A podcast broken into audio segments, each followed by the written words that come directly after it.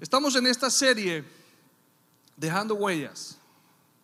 Quiero que sepan, quiero hacer un pequeño resumen de los últimos dos domingos que hemos estado hablando de esta serie. Usted y yo estamos destinados a dejar huella. Si es buena o es mala, no depende de la iglesia. No depende de Dios. Depende de usted. Depende de cada uno de nosotros. Depende de la decisión y la disposición que hay en su corazón para dejar huella y qué tipo de huella va a dejar. Sea como sea, usted camina en la arena del mar, hay una, hay una imagen que tenemos y usted se da cuenta que está dejando una huella. Ahora, que le guste la figura de su pie es una cosa, que no le guste es otra, pero siempre vamos a dejar huella a donde quiera que vayamos. Estuvimos hablando de que inevitablemente el Salmo 139, 16 nos enseña que el Señor, cuando éramos un embrión, diseñó cada uno de los momentos de nuestra vida para cada uno de esos días que íbamos a vivir cuando ninguno de esos días existía. Él fue quien los diseñó. Y aprendíamos que si aprendemos a vivir esta vida dándole la importancia a cada momento que vivimos, vamos a dejar huella y una huella que nos guste. Aprendíamos de la importancia de vivir cada momento. Lo hablaba con el grupo de alabanzas antes de empezar y quiero decirlo una vez más. Es un mensaje muy llevado a la conciencia de cada uno de nosotros. Es importante que seamos conscientes. En inglés se dice to be aware of, que seamos conscientes de que vamos a dejar huella, buena o mala, pero la vamos a dejar. Pero si vamos a dejar huella y yo soy consciente que la voy a dejar, quiero asegurarme de dejar la mejor huella posible para mis hijos. Somos creados y hemos sido diseñados para afectar las generaciones. Es más, hemos sido afectados por las generaciones. Hemos sido influenciados por las generaciones que van delante nuestro. De igual manera, estás influenciando las generaciones que vienen siguiéndote, que vienen siguiendo tus huellas. Entonces, seamos conscientes de eso. Seamos conscientes que es importante vivir cada momento de una manera significativa. Me gusta hacer este pequeño resumen porque así puedo entrar en lo que Dios tiene para nosotros hoy de una manera más efectiva. Mi afán, siempre se lo comento al pastor Villa y a mi esposa, es poder comunicar de una manera transparente lo que Dios ha puesto en mi corazón. Todos los momentos son importantes, todos. Todos los momentos que vivimos son muy importantes. Hay algunos momentos muy buenos que nos traen mucha alegría. Los tenemos clasificados como los más importantes. Hay unos momentos muy malos que no quisiéramos recordar, pero de igual manera son importantes. Pero hay unos momentos que no les damos mucha importancia. Unos momentos que no trascienden mucho. Unos momentos que le damos muy poca importancia en nuestra vida. Son esos momentos en donde nos encontramos atrapados en la rutina del día a día, en el tráfico de la mañana, en el tráfico de la tarde, en el rol que cumplimos en nuestro trabajo todos los días, con el mismo jefe, la misma trabajo, el mismo... Y esos momentos, por lo general, los tenemos por poco. Y con la influencia de las redes sociales, en donde miramos una cantidad de mentiras, donde vemos una cantidad de cosas donde la gente la está pasando re súper que contra que te bien, y yo aquí encerrado trabajando, 8 horas, 7 horas, 9 horas, 12 horas, 10 horas diarias. Otra vez cuidando yo a este bebé. Ya vamos a miércoles, todavía me faltan dos días. Y esos, y esos momentos que no son de muchos éxitos, pero tampoco son tan tristes, los tenemos por poco. Pero en esos momentos es donde Dios está obrando porque hablábamos de la necesidad de ser transformados. En esos momentos Dios está transformando nuestras vidas, porque Dios quiere que usted y yo desarrollemos el carácter de Cristo, desarrollemos madurez, podamos nosotros entender lo que son las emociones y el propósito, podamos diferenciar la una de la otra, que no nos gobiernen las emociones, sino que a través de un corazón transformado, oígame bien, un corazón transformado, nosotros podamos vivir de una manera efectiva cada momento que Dios creó para nosotros. Cada momento. Todos son importantes. Hablábamos de que, gracias, quedé un poquito afónico, no sé si ustedes se dieron cuenta, el que más gritaba era yo en las alabanzas, ¿verdad? Después me escucho y me da pena, pero es imposible no emocionarse en las alabanzas. Eh, necesitamos ser conscientes otra vez de la necesidad que tenemos de transformación. El Evangelio es sencillo. El Evangelio es simple. Nosotros lo complicamos porque a veces no encontramos la manera de vivirlo. O a veces lo queremos acomodar a nuestra manera de vivirlo. Y ahí es donde nosotros lo complicamos todo. Pero realmente es sencillo. Seamos conscientes de vivir esta transformación que nos brinda este Evangelio. Conscientes de que hemos sido bendecidos. Hemos sido bendecidos con una salvación. Eso lo hemos aprendido aquí en casa. Lo hemos aprendido y lo leemos en la palabra. Dios nos bendijo con salvación. Hemos sido bendecidos con el perdón de nuestros pecados. Había un acta en contra suya y en contra mía que fue expuesta públicamente en la cruz. Y Dios pagó por ella. Esa acta que estaba en contra de nosotros. Cristo pagó por ella. O sea, perdonó nuestros pecados. Esto también lo hemos aprendido en el Evangelio. Hemos aprendido que hoy usted y yo podemos hablar de que gozamos de vida eterna. Pero hay algo curioso.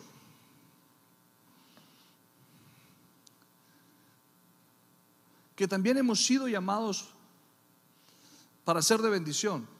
Usted y yo, los que están en casa en este momento, los que estamos aquí, nosotros hemos sido llamados para ser de bendición. Hemos sido llamados para reinar.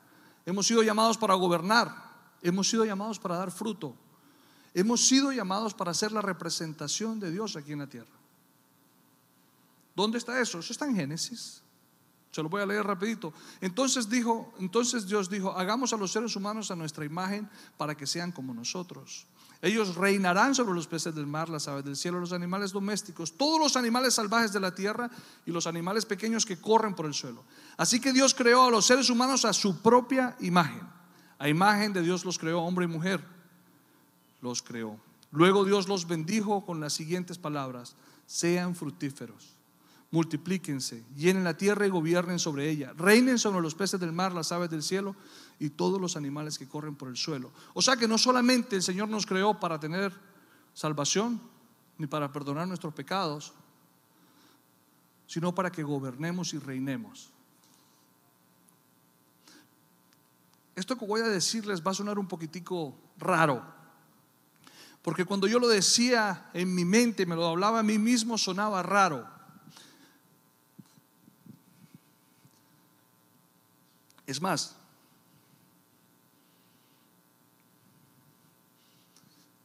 lo voy a leer porque no me quiero equivocar. No nos podemos conformar Jesús no quiere que nos conformemos con la obra de salvación hecha en la cruz por nosotros.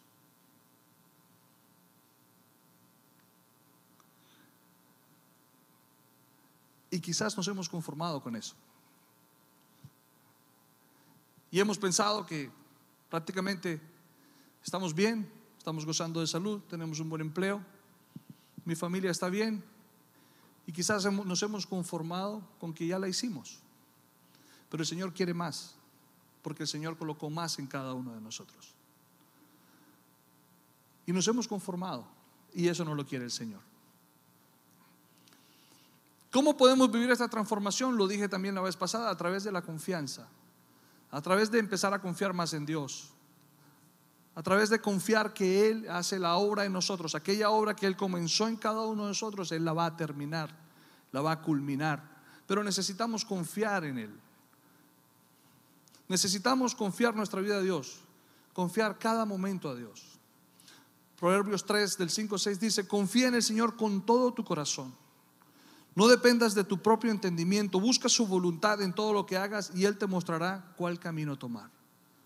Jeremías 17:7 dice, pero benditos son los que confían en el Señor y han hecho que el Señor sea su esperanza y confianza. Son como árboles plantados junto a la ribera de un río con raíces que se hunden en las aguas. A esos árboles no les afecta el calor, ni temen los largos meses de sequía. Sus hojas están siempre verdes y nunca dejan de producir fruto.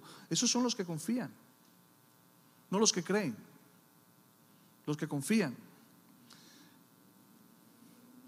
Salmo 143, 8 dice, hazme oír cada mañana acerca de tu amor inagotable porque en ti confío. Muéstrame por dónde debo andar, porque a ti me entrego.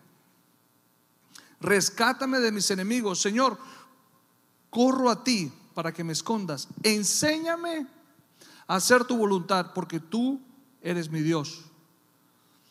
Que tu buen espíritu me lleve hacia adelante con pasos firmes. Eso lo puede decir alguien que confía. Yo me pongo a pensar en David, eso lo escribió David. ¿Cómo puede un hombre que está siendo educado en su casa, levantado, recibiendo formación, cómo puede un hombre pasar de ser un pastor de ovejas a rey de una nación? Solamente si confías en Dios. No hay otra manera. Él sabía que Dios existía, él creía en Dios, pero solamente si confías cada uno de tus momentos en la vida a Dios, puedes llegar a lograr semejantes cosas. Pasar de pastor de ovejas a ser el rey de una nación. El que más años reinó en Israel. Isaías 26 del 3 al 4 dice, tú guardarás en perfecta paz a todos los que confían en ti. ¿Cuántos necesitamos paz en esta mañana?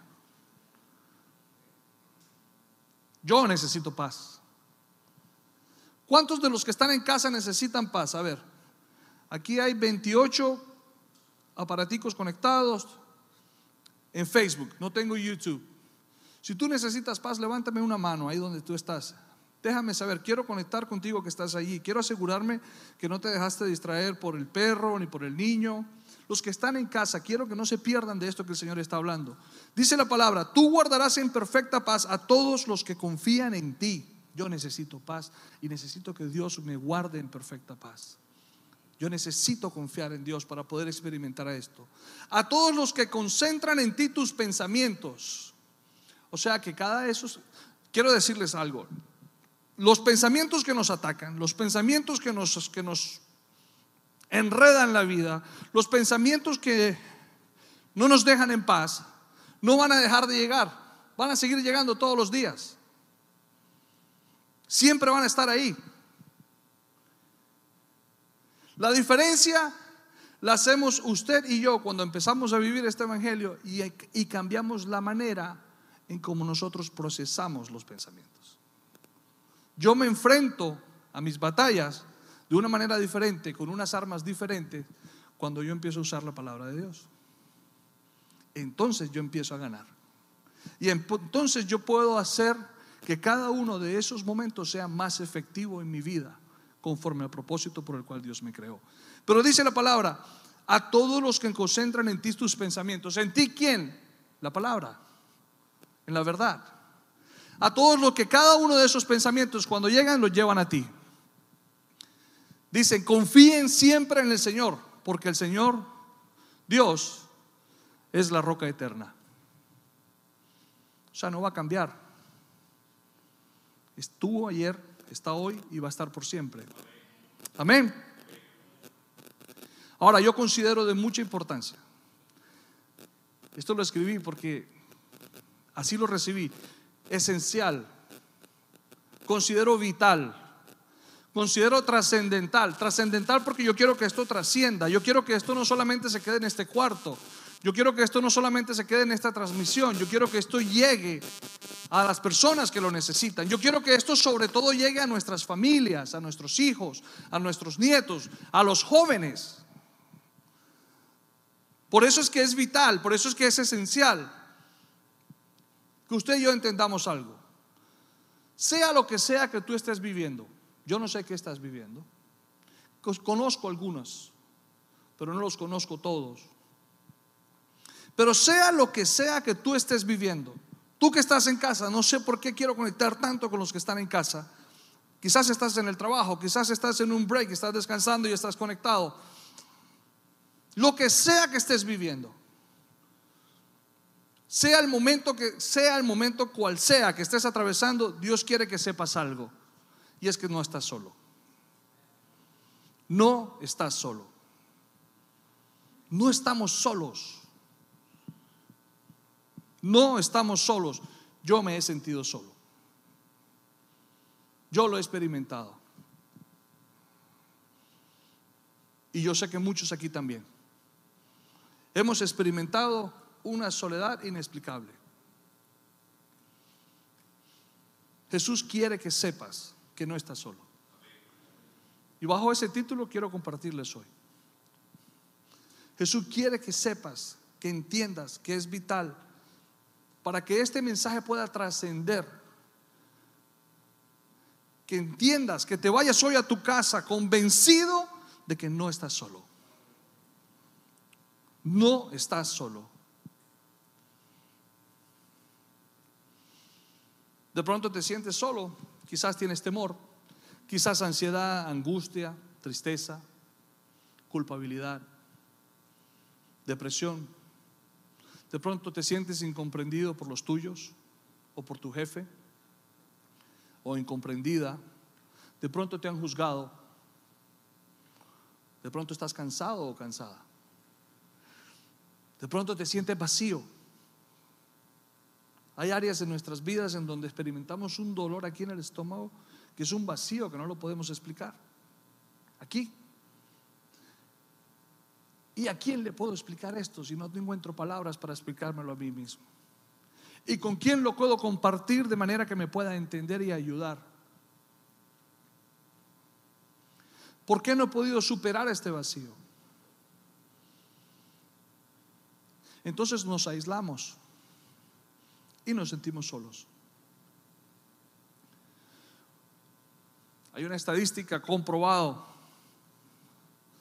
por uno de los mejores canales de televisión, National Geographic, que dice que el lobo ataca a la oveja que está sola, nunca ataca al rebaño, sino ataca a aquella oveja que se aísla del rebaño, porque es presa fácil. Cuando nos sentimos solos nos aislamos y eso no nos ayuda. Cualquiera que sea tu problema, cualquiera que sea tu condición. Aquí hay madres solteras que hacen el papel de papá también. Ahí hizo falta un par de mamás de esas que saben salvar a los niños cuando se van a caer. Y ahí hizo falta un par de mamás de esas que traen provisión a la casa porque no estuvo el hombre en casa. Aquí me voy a meter en líos con varios. Ahí hizo falta esa mamá que hace el papel de papá, pero que aún así experimenta el vacío de paternidad en sus hijos, porque sus hijos no tienen papá. Quiero decirte que no estás sola. Mamá, que eres papá, que estás conectada, no estás sola. Si allá afuera en el mundo hay unos programas lo hablaba con Alejandro hoy. Que traen aquellas personas que les hacen llamar los Big Brothers, los hermanos mayores, para ayudar a aquellas familias.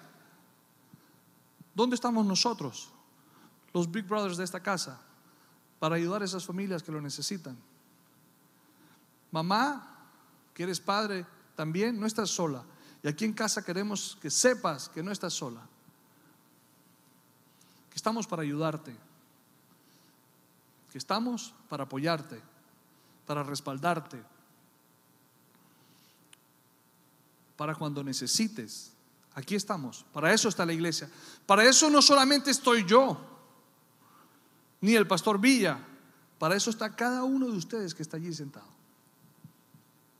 Cada uno de nosotros podemos hacerlo.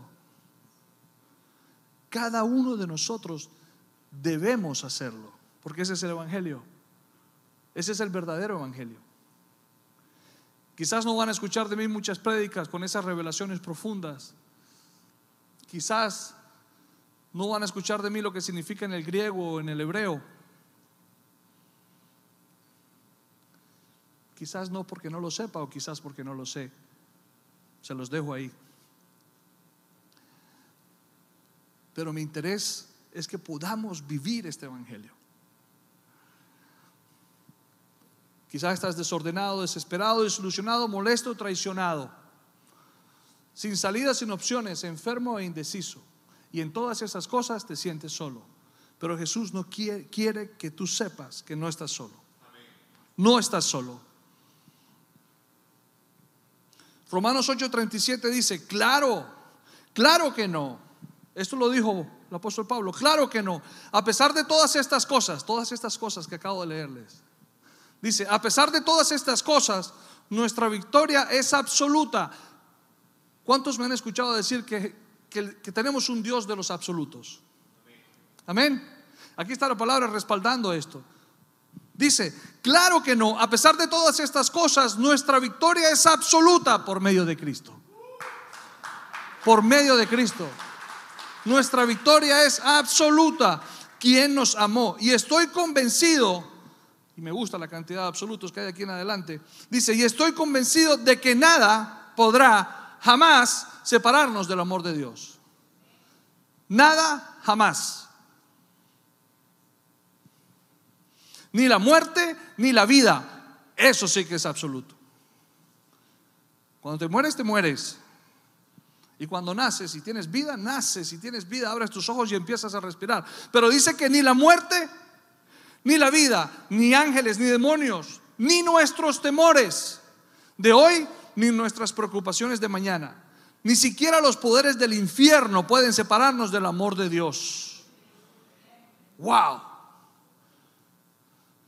Ningún poder, ningún poder, ninguno, no existe, ni existirá jamás. En las alturas ni en las profundidades, de hecho, nada en toda la creación podrá jamás separarnos del amor de Dios que está revelado en Cristo Jesús, nuestro Señor. ¿Cuánto le pueden dar un aplauso al Señor por esa palabra? Claro que sí. Nuestra victoria es absoluta en Cristo Jesús. Eso quiere decir que yo no estoy solo. Eso quiere decir que usted no está solo. Oh, pero ¿qué hago cuando siento esta soledad horrible que me agobia, que me entristece, que me lleva a depresión? Acuérdese de esta palabra y procese ese pensamiento con esta palabra. Ayúdese con esta herramienta. Que, que entre otras cosas es tu verdad y es mi verdad. Ahora, la verdad no niega la realidad, lo hemos dicho muchas veces, la confronta. Yo confronto esa soledad con esta verdad. Yo confronto la tristeza con esta verdad. Yo confronto el dolor con esta verdad. Porque mi victoria es absoluta en Cristo Jesús.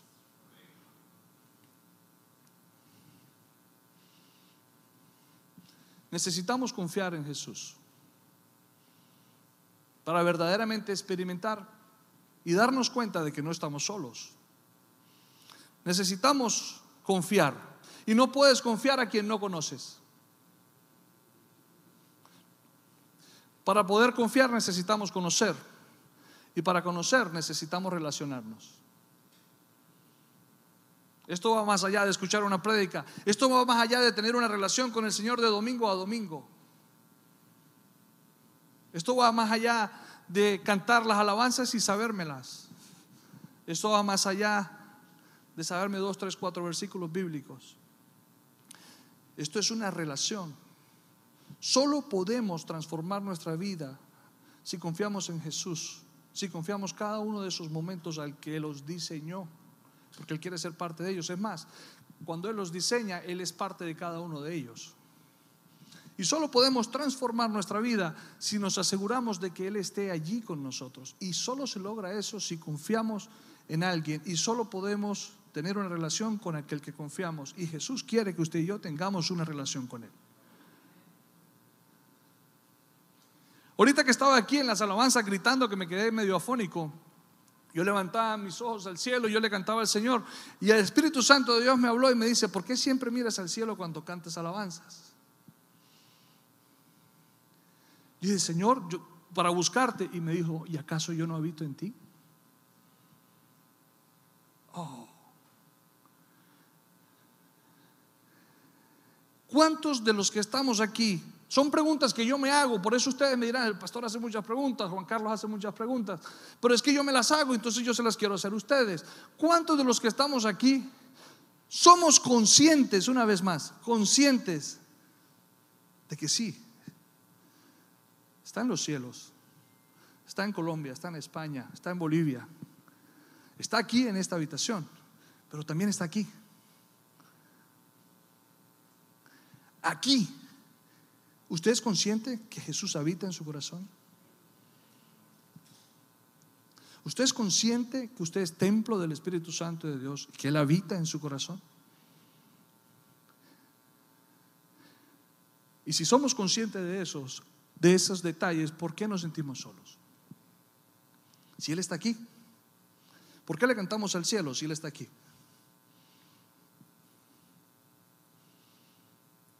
Él habita en nosotros. Voy a leer Juan. A Jesús lo seguía una multitud haciéndole preguntas y él le respondió, yo soy, Jesús, Juan capítulo 6 dice, yo soy el pan de vida, el que viene a mí nunca volverá a tener hambre. El que cree en mí no tendrá sed jamás, pero ustedes no han creído en mí a pesar de que me han visto. Sin embargo, los que el Padre me ha dado vendrán a mí y jamás los rechazaré. Si usted va a Jesús, Él no lo va a rechazar. Y esta es una mañana, este es un día para que usted busque una relación con el Señor. Para que podamos vencer esta soledad. Este sentimiento de me siento solo. No te va a rechazar. ¿Por qué el interés de Dios? ¿Por qué el interés de Dios de que nos relacionemos con Jesús? Que le conozcamos. Vamos a leer el capítulo 14 de Juan. En el capítulo 14 de Juan, quiero, explicarles esto. Jesús hablaba con los discípulos y avisaba que ya, ya les había dicho que se iba, él se iba a ir a la presencia del Padre. Permíteme tomar un poquito de agua. Y lógicamente ellos se entristecieron. Se va a ir el Señor. Tristes. Entonces el Señor les dice, empezamos en el verso 1, no dejen que el corazón se les llene de angustia. Confíen en Dios y confíen también en mí. ¿Cuántas veces estamos tristes, preocupados, atribulados? Y el Señor te dice hoy, no dejes que el corazón se te llene de angustia. Confíen en Dios y también confíen en mí. En el hogar de mi Padre hay lugar más que suficiente. Si no fuera así, ¿cómo les habría dicho que voy a prepararles un lugar? Cuando todo esté listo, volveré para llevarlos, para que siempre estén conmigo donde yo estoy y ustedes conocen el camino que lleva donde yo voy. Este es Jesús, después de haber caminado con ellos por tres años, haberles enseñado de su propia boca directamente a cada uno de ellos, haberlos formado, haberlos orientado, restaurado. Él les habla con la convicción de que ellos conocen y saben muy bien a dónde Él va. Pero Tomás dijo, no Señor, no conocemos ese camino. No tenemos ni idea de a dónde vas. ¿Cómo vamos a conocer el camino? Yo creo que así ahí vemos muchos que creemos en Dios, pero no conocemos cuál es el camino a tomar. Creemos en Dios y estamos viviendo ciertas circunstancias de las cuales no sabemos cómo salir de ellas. Y a estas alturas el Señor estuviese diciéndonos, ustedes conocen el camino. Y nosotros le decimos, Señor, y estamos orando. Yo he orado porque me muestre el camino. Señor, muéstrame. Señor, direccioname. Señor, guíame. Hace un poco hablaba con un amigo y le decía, estoy orándole al Señor para que me dé visión, para que levante mi cabeza y me dé visión, porque no la encuentro, no la veo. Quiero encontrar visión en, ciertas cosas que quiero hacer.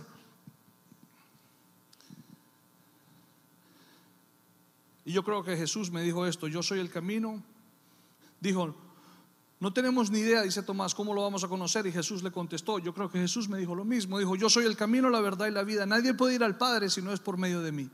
Si ustedes realmente me conocieran, también sabrían quién es mi Padre. De ahora en adelante ya lo conocen y lo han visto. ¿Cuántos vemos a Dios como Padre? ¿Cuántos vemos a Dios solo como Dios? No hace mucho me preguntaron, ¿qué tanto ves a Dios como tu Padre? ¿Y qué palabra tan, qué pregunta tan confrontativa es? Me era mucho más fácil verlo como ese Dios todopoderoso, omnipotente, omnipresente, que todo lo puede, para cual no hay nada imposible, que verlo como Padre. Pero Él es nuestro Padre. Si ustedes realmente me conocieran, también sabrían quién es mi Padre. De ahora en adelante ya lo conocen y lo han visto. Felipe le dijo, Señor, muéstranos al Padre y quedaremos conformes. Jesús respondió, Felipe, he estado con ustedes todo este tiempo y todavía no sabes quién soy. Para aquellos que vemos a Dios solo como Dios, pero Jesús obrando y viviendo en nosotros. Jesús si Jesús, si usted y yo hemos experimentado salvación, Jesús habita en mi corazón. Habita en su corazón. Gobierna su corazón.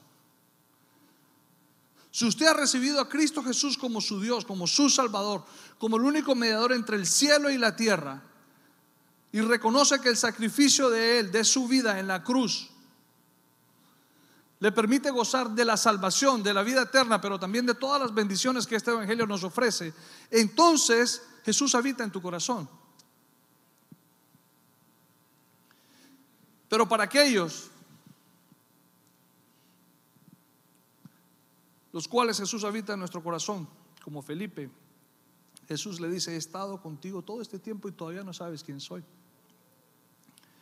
Los que me han visto han visto a mi Padre, han visto al Padre. Entonces, ¿cómo me pides que les muestre al Padre? ¿Acaso no crees que yo estoy en el Padre y el Padre está en mí? Las palabras que yo digo no son mías, sino que mi, sino que mi Padre, quien vive en mí, hace su obra por medio de mí.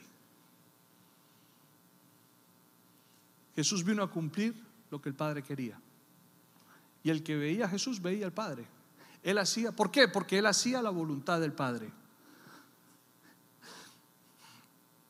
A ver, Jesús hacía la voluntad del Padre, no la voluntad de Dios. Lógicamente hacía la voluntad de Dios, pero él quería que lo conociéramos como el Padre, que era ese Dios para él. Ese es el afán, ese es el desespero de Dios porque conozcamos y tengamos una relación, una relación más íntima con Jesús, porque Él es nuestro creador, porque Él es Dios, pero también es nuestro Padre. Él es nuestro Padre, Él es tu Padre no, yo no, yo no sé cómo tener una relación con mi papá. Dios quiere que a través de Jesús tú conozcas y llenes ese vacío de paternidad en tu vida y conozcas a ese Dios que también es tu Padre. Él es nuestro Padre, no solamente nuestro Creador, Él es nuestro Padre. Dios te ama. No hay mayor expresión de amor que dar a su único Hijo para que muera por ti y por mí. Y aparte de eso, hacerte heredero, coheredero con Cristo Jesús, de su gloria. Somos, no solamente somos creación de Dios, no solamente nos creó a su imagen y semejanza, sino que nos hizo herederos. Y si nos hizo herederos quiere decir que somos familia. Que yo sepa, yo heredo todo lo que mi padre me deja. Lo que mi familia me deja.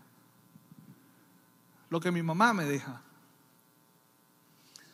Dios es más que Dios, Él es tu Padre. Y quiere que estés convencido de que no estás solo y que en Él tienes herencia. Les digo la verdad, todo el que cree en mí hará las mismas obras que yo he hecho y aún mayores, porque yo voy a estar con el Padre. Pueden pedir cualquier cosa en mi nombre y yo lo haré para que el Hijo le dé gloria al Padre. Pueden pedir cualquier cosa en mi nombre y yo lo haré. Pueden pedir cualquier cosa en mi nombre y yo lo haré. Pueden pedir cualquier cosa en mi nombre, yo lo haré. Que te entre esto. Pueden pedir cualquier cosa en mi nombre, yo lo haré. Pueden pedir, pueden pedir, pueden pedir, pueden pedir cualquier cosa. Cualquier cosa. Y yo lo haré porque yo voy al Padre.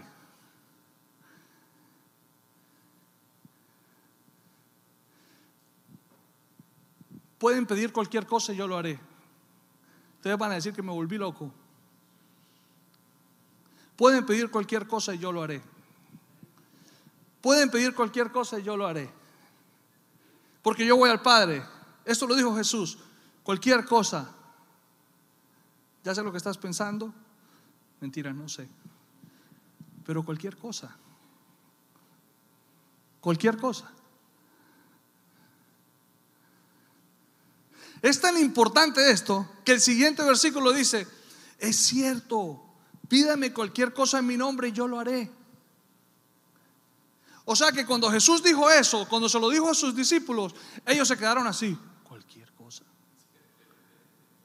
Ellos se quedaron pensando, cualquier cosa. Ellos se quedaron como muchos de ustedes y yo me quedé cuando lo leí. Cualquier cosa. Y yo lo haré y yo lo haré. Y dice, es cierto, dice, ella es cierto. A mí, cuando yo leo, es cierto, a mí me parece que le está brincando y le está diciendo, ella es de verdad, es cierto. Pídame cualquier cosa en mi nombre y yo lo haré. Si me aman, obedezcan mis mandamientos. Es sencillo. Amamos a Dios, pero hacemos lo que queremos. En otras palabras, amamos para que nos vean. Amamos de Instagram way. No amamos en the real way. Amamos en los momentos de victoria.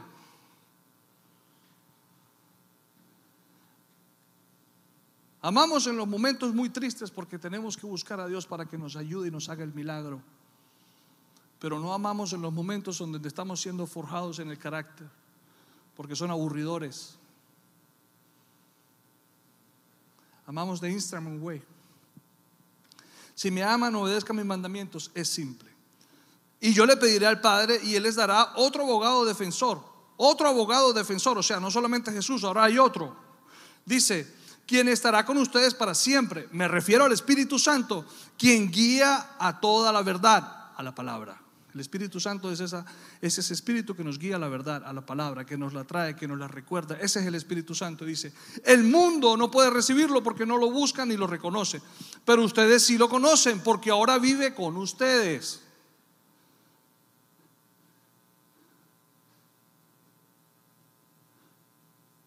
Porque ahora vive con ustedes y después estará en ustedes. ¿Ustedes saben cuándo es ese después? Hoy. Ese después ahí es hoy. En ese instante estaba en medio de ellos. Pero hoy vive en nosotros. Y nos guía a toda verdad. O sea que yo cuando me sienta solo voy a orar al Espíritu Santo de Dios para que me guíe a toda verdad y me saque de donde yo estoy, de esa soledad que me agobia, de esa tristeza, de, de esa decepción, de esa traición. El Espíritu Santo de Dios nos va a guiar a toda verdad. Sin embargo, cuando el Padre envía al abogado defensor como mi representante, es decir, al Espíritu Santo, Él les enseñará todo y les recordará cada cosa que les he dicho. Es lo que vivimos aquí en la iglesia. Es lo que hacemos domingo a domingo, servicio a servicio, devocional tras devocional.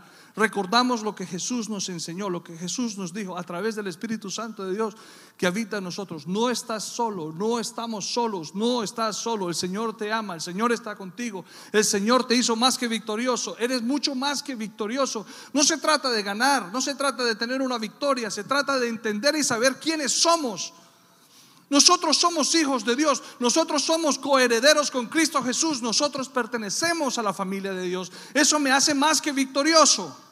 Porque una victoria yo la puedo conseguir allá en la calle, en una pelea, yo la puedo conseguir en el banco, en una disputa, yo la puedo conseguir entre una demanda legal. Sí, yo puedo lograr la victoria y logré la victoria. Pero ¿quién soy? Dice, somos más que victoriosos, somos hijos de Dios. Somos hijos de Dios, somos creación de Dios, sí, pero somos hijos de Dios a través de Jesús. a través de Jesús. La victoria es lo de menos, es lo que yo soy. Podemos experimentar todo esto si vivimos una transformación.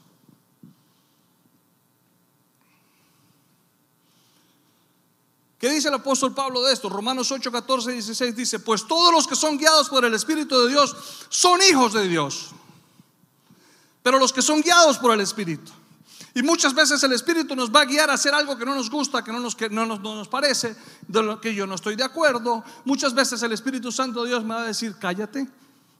Muchas veces me va a decir, habla. Muchas veces me va a decir, te puedes ir.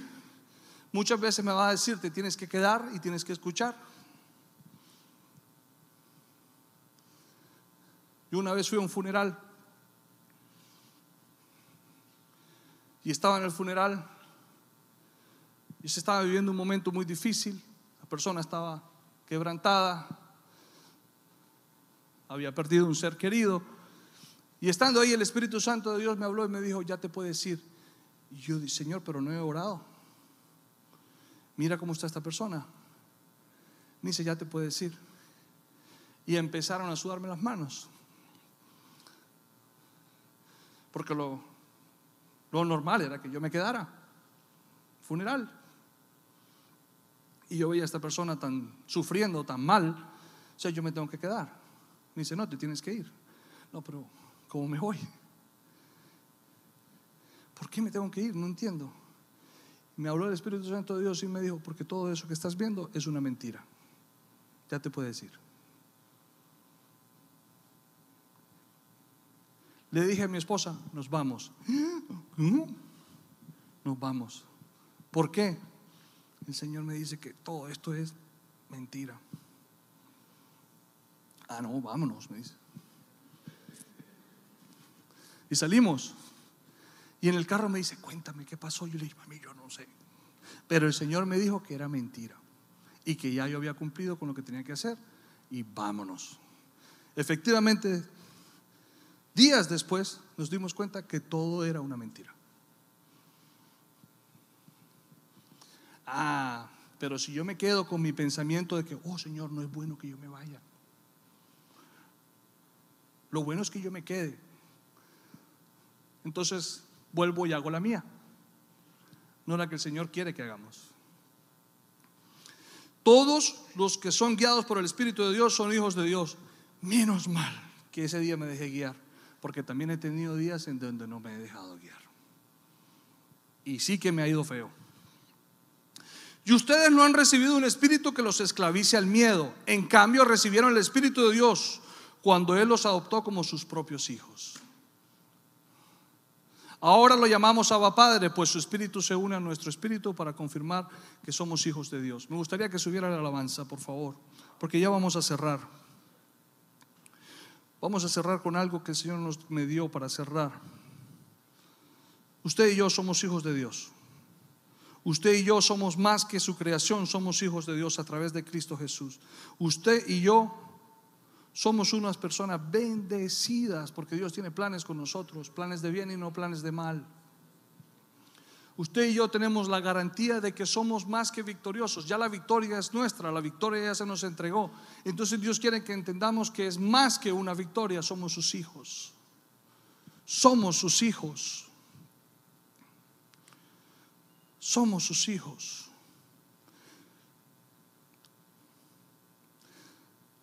Si me aman, obedezcan mis mandamientos y yo le pediré al Padre y Él les dará otro abogado defensor quien estará con ustedes para siempre.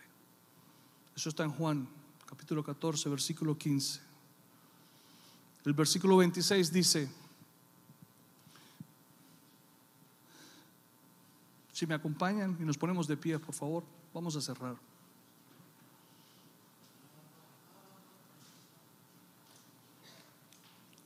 No estás solo. No estamos solos. Somos más que victoriosos en Cristo Jesús. Joven que estás aquí, que me escuchas, que te conectas en este momento, no estás solo. Pero me siento solo, sí. Esa es la realidad. Te sientes solo, te sientes sola. Pero la verdad es que no está solo.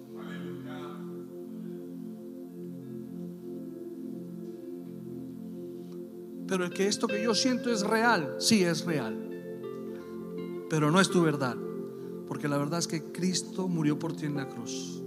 La verdad es que Cristo habita en ti. La verdad es que el Espíritu Santo de Dios habita en nosotros y no está solo. La verdad es que las circunstancias no están diseñadas para vencer la verdad. Es todo lo contrario. Las circunstancias evidencian el poder de Dios en tu vida cuando la verdad opera y las vence. Las circunstancias que estás viviendo no te pueden destruir porque eres más que victorioso en Cristo Jesús. Tienes un Padre. Tienes un Padre que lo dio todo por ti. Se la jugó el todo por el todo por ti.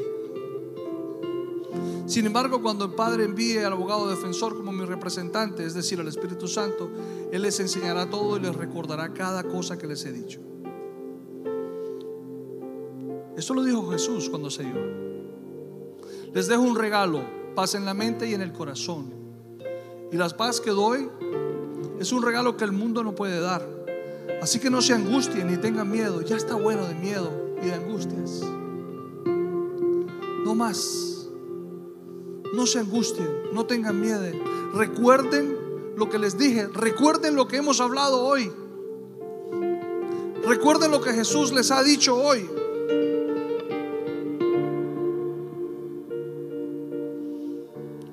Recuerden lo que les dije, me voy pero volveré a ustedes. Si de veras me amaran, se alegrarían que voy al Padre, quien es más importante que yo. Les he dicho, estas cosas antes de que sucedan, para que cuando sucedan ustedes crean. Usted y yo hemos visto que esto ha sucedido. Usted y yo vivimos y experimentamos la presencia del Espíritu Santo de Dios aquí, en mi vida, en tu vida. Usted y yo evidenciamos el poder de Cristo en la tierra. Usted y yo somos la sal y la luz de este mundo. Usted y yo somos los llamados a influenciar a las generaciones. Usted y yo somos los llamados a dejar huella. Usted y yo somos los llamados a vivir en victoria. Usted y yo somos los llamados a cambiar la historia. Usted y yo somos los llamados a derrumbar toda línea de maldición que hay en nuestra familia. No puedes hacer nada por la generación de ayer, pero puedes hacer todo por la generación de hoy y de mañana. La generación de ayer no puedes hacer nada. ¿Por qué miras al pasado? Jesús dijo, deja que los muertos entierren a los muertos. Pero vamos, vamos, caminemos juntos, dijo el Señor. Caminemos juntos con el Señor. No puedes hacer nada por las decisiones que tu mamá y tu papá tomaron. No podemos cambiarlas pero puedes hacer todo por la generación de hoy y la generación de mañana todo puede cambiar hoy.